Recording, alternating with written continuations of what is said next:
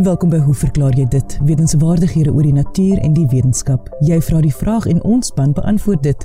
My naam is Lise Swart en ons paneelkenners vandag is ekoloog Duif Peppler, entomoloog Dr. Johan Pretorius en herpetoloog Professor Lefras Meton. As jy 'n vraag het, stuur jou e-pos na lise, dit is L I S E by rsg.co.za. Ons eerste vraag kom van Piet Konradi van Bloemfontein en word beantwoord deur herpetoloog Professor Lefras Meton. Piet skryf: Ek het nou die dag met so 'n halwe oor gehoor dat hulle praat op 'n natuurprogram van The Middle Lizard of South Africa. Ek het nog nooit van so 'n akedus gehoor nie. Kan hoe verklaar jy dit vir ons 'n bietjie meer van hierdie akedus vertel en hoe dit aan sy vreemde naam gekom het? Piet, ek moet bieg. Ek het ook nog nie van so 'n akedus gehoor nie en weet vir 'n feit dat daar nie 'n lewende akedus met so 'n naam hier in Suid-Afrika is nie. My soektog op die internet het egter sommer gou vir my die antwoord verskaf. Middelakedus verwys na die uitgestorwe reptiel Mesosaurus tenuidens. Dit is 'n krokodilagtige vorm wat sowat 300 miljoen jaar gelede gelewe het. Die voorvoegsel meso in die genusnaam kom van Grieks en beteken middel en saurus is die Latyns vir akedus maar dit het ook maar oorspronklik sy oorsprong uit Grieks gehad. So Mesosaurus beteken dan letterlik middelakedus. Met ander woorde, nie die eerste akedus nie en ook nie die laaste een nie. Ek moet dit sommer nou dadelik beklemtoon dat hierdie reptiele het geen verwantskap met moderne akedusse het nie. Behalwe natuurlik dat hulle nou ook uh, reptiele is of was dan nou. Die Genus Mesosaurus bestaan uit 'n enkele spesies, Mesosaurus tenuidens, wat dan uh, beteken die dun getande middelakedus. Dit het in varswatermere en ander waterliggame gelewe en was van die eerste reptiele wat sekondêr waterlewend geraak het. Dit was ongeveer 'n meter in lengte met gewebde voete, 'n stroombeleinde liggaam en 'n lang stert wat moontlik 'n vin gehad het. Die skedel was smal en die verlengde kake het lang dun gepunte tande bevat waarmee hulle dan nou klein uh waterdiertjies, krustasiërs en ander prooi in die water gevang het. Daar was eers gedink dat hierdie dun tande gebruik is om plankton uit die water te filter. Die holotipe van Mesosaurus. Met ander woorde, daardie fossiel spesimen waarop die beskrywing van die spesies gebaseer is, staan bekend as die Griqua Mesosaurus en was rondom 1830 in 'n Griekwa hut naby Kimberley gevind uh, waar dit as 'n potdeksel gebruik was. Ek aanvaar dit was nou 'n lekker plat klip met 'n baie duidelike geraamte van 'n reptiel daarin. Die fossiel het uiteindelik in die hande van 'n Franse paleontoloog beland wat toe in 1865 die spesies beskryf het. Nou vir die interessante in 1908 as 'n fossiel ook in Suid-Amerika gevind. Aanvanklik was dit 'n as 'n tweede spesies van Mesosaurus beskryf, Mesosaurus brasiliensis. Maar latere studies het toe getoon dat dit dieselfde dier was wat gevind is. Nou hierdie fonds het wetenskaplikes natuurlik nou baie opgewonde gemaak. 'n Waterlewende reptielspesies wat 300 miljoen jaar gelede in beide suidelike Afrika en Suid-Amerika, dis nou Brasil, gelewe het. Hoe verklaar mens dit? Na die aanvanklike fondse is daar nog natuurlik baie verdere Mesosaurus fossiele gevind in Suid-Afrika en Namibië in die White Hill formasie en in Brasil in die ooreenstemmende Iriti formasie.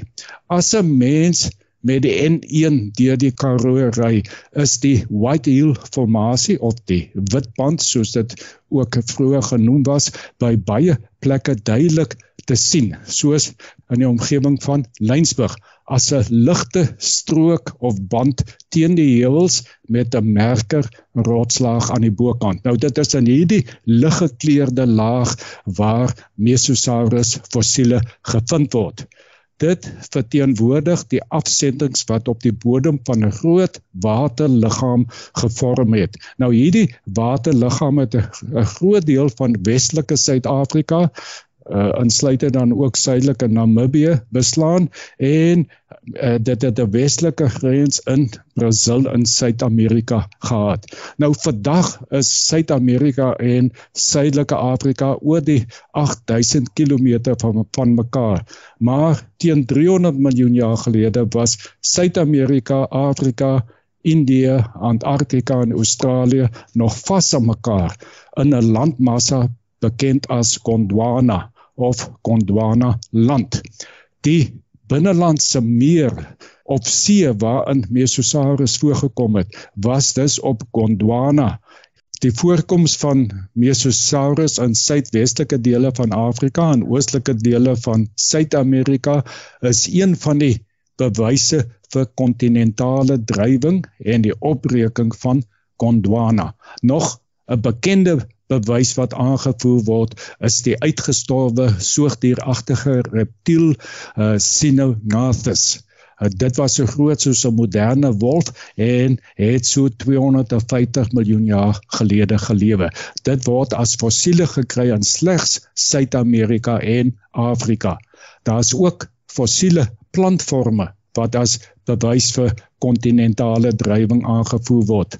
Sou 'n mens nou die kontinente van die suidelike hemisfeer op 'n kaart teen mekaar kon druk om Gondwana te rekonstrueer, is dit baie insiggewend dat die voorkoms van die onderskeie fossielvorms wat ek nou genoem het aan eenlopende bande oor die kontinentale grense vorm. In die laat 70s en vroeë 80s het ek gereeld vir Dr. Burger Olofsen. Hy was destyds dosent aan die Universiteit van Stellenbosch. Ek het hom vergesel op paleontologie ekskursies vir honeurs studente na die Karoo. Nou sy doktorale navorsing het juis oor Mesosaurus gehandel. En as hy so in die veld wanneer hy nou daar staan met 'n kringetjie studente om uh, om hulle nou van Mesosaurus te vertel as hy nou maar net die naam Middelakkedus net genoem het dan sou hy dalk 'n belangstelling by my ook uh, aangewakker het vir fossiele. Maar soos dit was ek was maar altyd daar in die agtergrond besig om lewendige akkedisse en slange te soek En dit was herpetoloog professor Lefras Meton. Ons volgende vraag kom van Ismail Tagoudin wat deur ekoloog Dave Peppler beantwoord gaan word. Ismail wil weet oor die kraaie in Suid-Afrika en hoekom hulle soveel probleme in veral stede kan veroorsaak. Probleme soos aanvalle op katte of die omgooi van vullisdromme. Is daar 'n manier om hierdie probleme aan te spreek? Ons staan effens terug. Ons het vier kraaie witborskraai, daai een van ai ai die witborskraai, die groot kwaaddoener, die swart kraai. Dan het ons die wit halskraai, die een wat so in die berge rond uh, sweef en dan natuurlik 'n onwelkome besoeker in die Indiese huiskraai. Ry net op die N1, noord of suid, en jy is in kraai hemel. Elke vierde paal het 'n nes op Maar as jy nou eintlik 'n kraai magneet wil hê, stop by 'n peperboom. Weet jy, ons het dan wonderlike stopplekke langs ons pad. Die peperboom, die bankies, die sementtafeltjie, jy staan met jou koffie, 'n hardgekookte eier en die kraai wag vir wat oorbly. En hier lê natuurlik 'n wenk um oor wat verkeerd is met die bevolking van kraaie. Raai eers 'n bietjie, ek gaan eers verder praat. Twee van ons kraaie, en ek het gesê die swart kraai en die huiskraai, is natuurlik ernstige probleemdiere in terme van die swart kraai. Nou, die swart kraai se bek is nie so sterk dat hy 'n lam kan doodmaak nie, 'n pasgebore lam nie. Nou sien ons 'n kraai wat sit op 'n lammertjie wat plat lê besig om die oë uit te pik om die anus uh, genitale openinge, want hulle bekke is eenvoudig nie sterk genoeg soos ander roofvoëls nie. Die vraag wat ons eintlik moet vra, was die lam reeds dood of het die kraai hom doodgemaak deur die oë uit te pik? En ek hoor graag van ons luisteraars wat hulle hieroor dink. Maar alle kraaie, en nou praat ek van reg oor die aarde, het kenmerke wat hulle so ongelooflik suksesvol maak. Die eerste een, hulle is hiper hyperintelligent, gelykstaande aan papegaaie en daar is wetenskaplikes wat sê dat dit gelykstaande is aan primitiewe primate. Hierdie voëls het verbeelding, hulle vergeet nie gesigte nie. Hulle ken hulle self, erken hulle self in spieëls. Al die hoë vlakke van kognisie speel uit by die kraai. Ons weet ook dat hulle implemente gebruik. Reg oor die wêreld sal 'n kraai uh, uh, met daai fyn oogie uh, in 'n gat in 'n boomstam kyk en 'n larwe sien. Hy sal 'n stokkie gaan soek wat in die gat pas en die larwe daarmee uitprem, soos jy 'n uh, hapies eet by 'n uh, skemerkelkie. Hulle haal die wurm uit.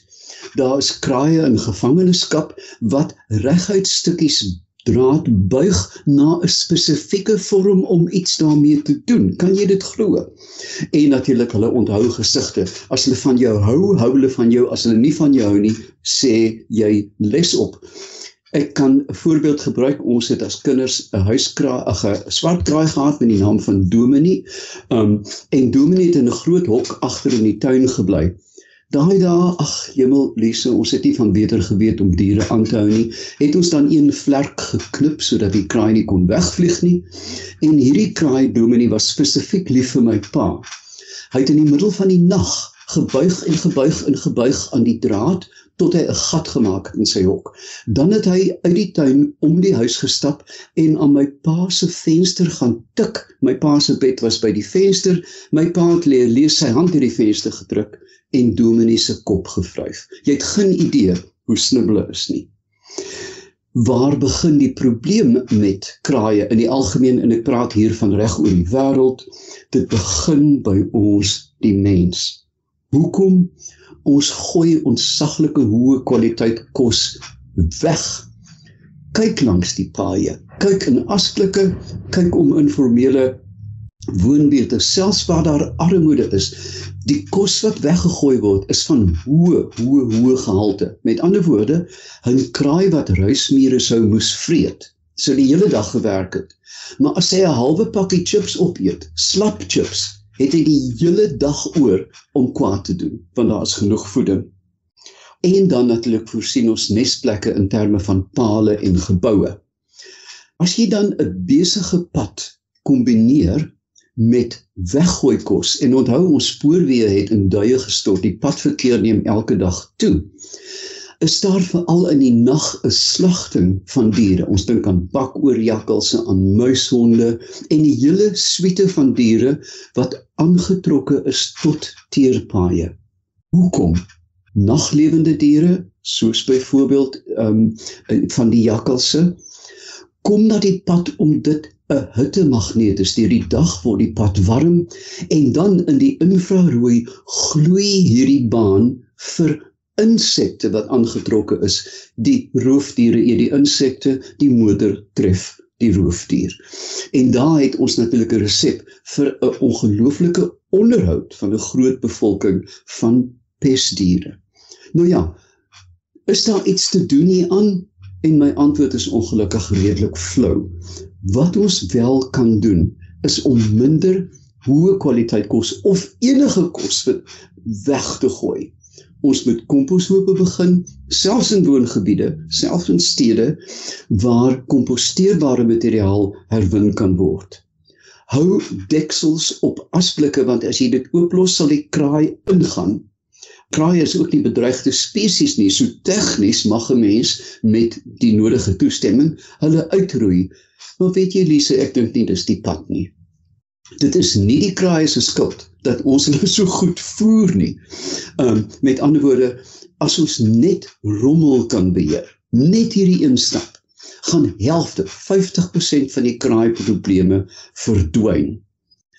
Indien jy dan wil ander afskrikmiddels gebruik, Ja, ons ken hulle. Die CD wat in 'n draadjie hang die partytjie die helder uh, blink partytjie ballon um ou tydse magneetbande. Onthou jene is daar nog kassette in die wêreld? Jy het dit uitgereig en dan hele weer oor jou tuin gespan.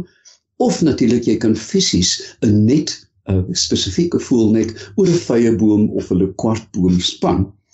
Kraaie is eenvoudig te slim om met slap rieme gevang te word Met ander woorde, ons moet riem vasmaak. Gooi minder weg en herwin en dan staan terug en verlustig en verwonder jou aan hierdie vleiende primaat. En dit was ekoloog Duif Peppler. Onthou as jy 'n vraag het, stuur jou e-pos na lise@rsg.co.za of direk deur RSG se webwerf. So gaan dit na www.rsg.co.za. Jy luister na hoe verklaar jy dit? My naam is Lise Swart en ons gaste vandag is ekoloog Duif Peppler, entomoloog Dr. Johan Pretorius en herpetoloog Professor Lefras Meton. Volgende, 'n vraag van Reet Miller uit Stadterheim wat deur entomoloog Dr. Johan Pretorius beantwoord gaan word. Reet skryf: Een ding wat my dronk slaan is muskiete in die Karoo. Ek het 'n huisie in Aberdeen. Selfs in die droogste van droë jare is daar swerms muskiete, winter en somer. Daar is geen watervoor of enige waterbron naby die huis nie, behalwe 'n reënwatertank. En die tuin word 3 keer 'n week nat gespuit met 'n tuinslang.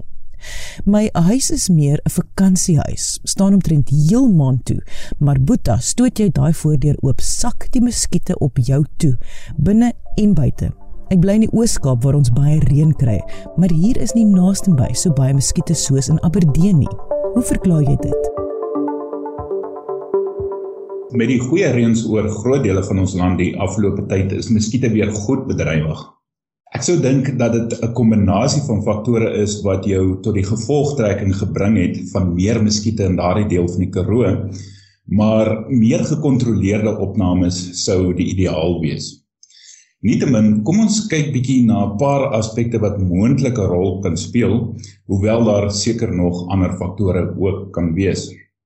Die algemene naam muskiet wat seker eerder 'n raakskiet moes wees, is 'n familievlee, die Culicidae, waarvan daar al meer as 3500 spesies wêreldwyd bekend is. En hier lê dalk 'n gedeeltelike verklaring op reeds 'n vraag, naamlik al diversiteit. Dit is vanselfsprekend dat al hierdie spesies nie dieselfde vereistes in terme van byvoorbeeld hul verkose habitat, gasheer of gasheere, temperatuurvereistes, broeiplek, seisonaliteit ensovoorts sal hê nie. Anders was die kompetisie tussen hierdie spesies bloot net te groot.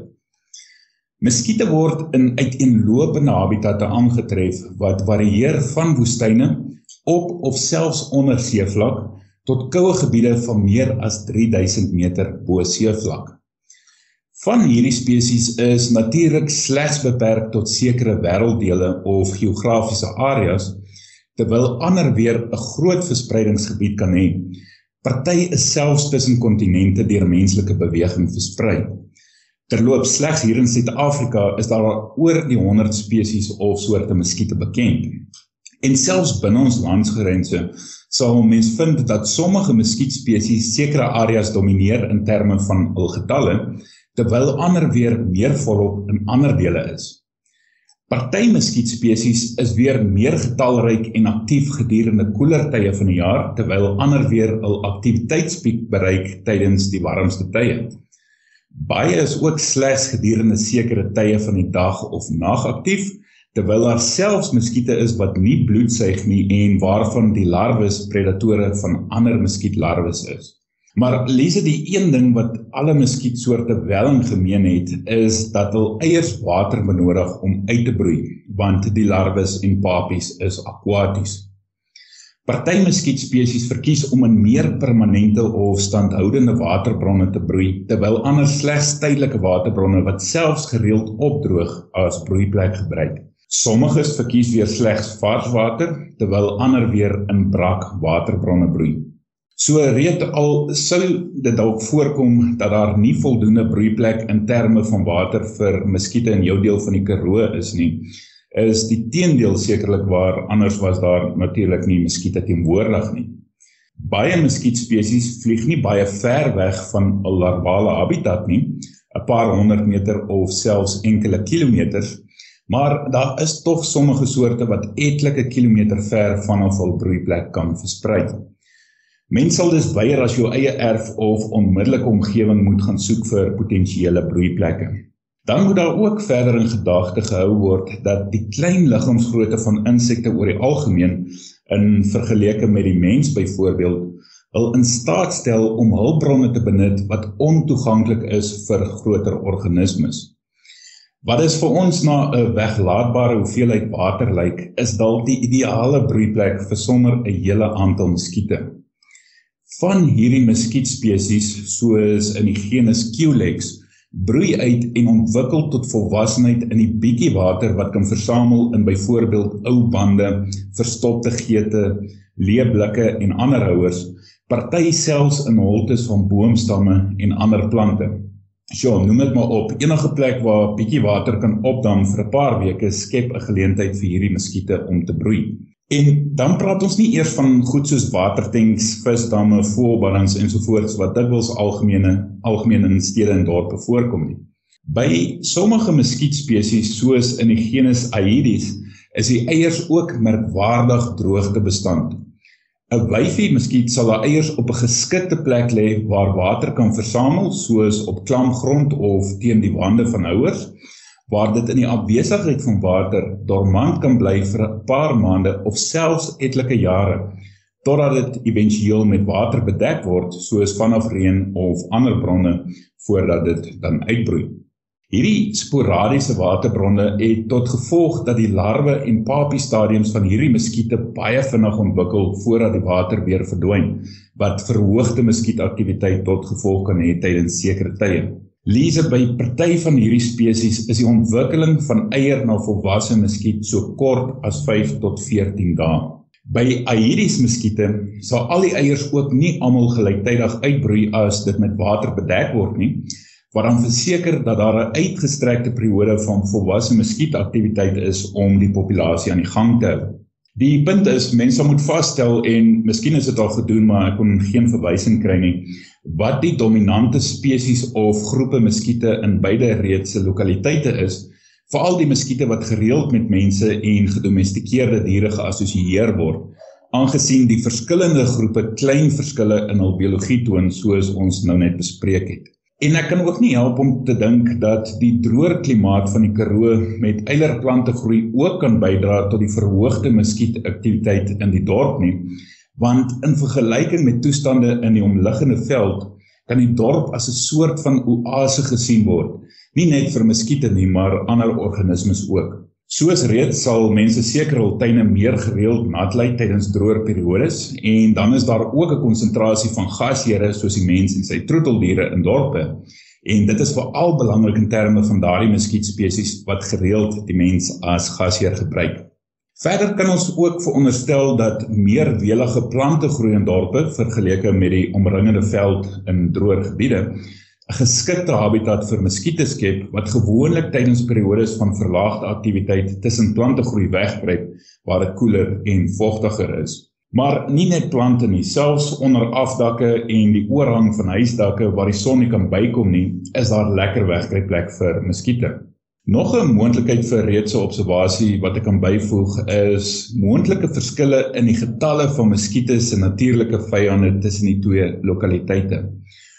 Ons weet dat verskeie akwatiese insekte belangrike predatore van muskiete is, byvoorbeeld naaldekokers en waterjevers. Dan is daar ook paddas en visse waarvoor hierdie insekte 'n belangrike bron van voedsel is. Nou ja, met minder geskikte habitatte vir hierdie organismes in die vorm van meer permanente waterbronne in droër gebiede, kan die predasiedruk op muskiete dalk laer wees in hierdie areas.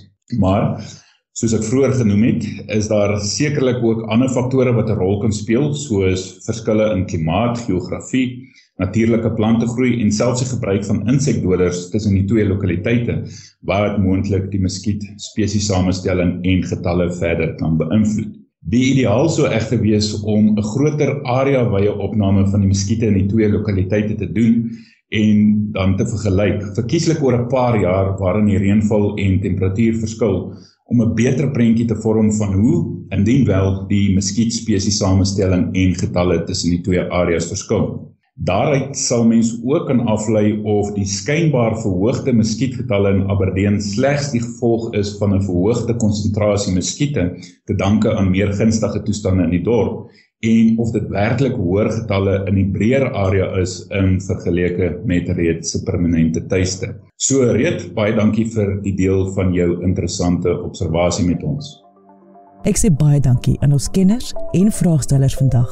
Onthou om altyd nuuskierig te bly. Tot volgende week hier op RSG saam met my, Lise Swart. Totsiens.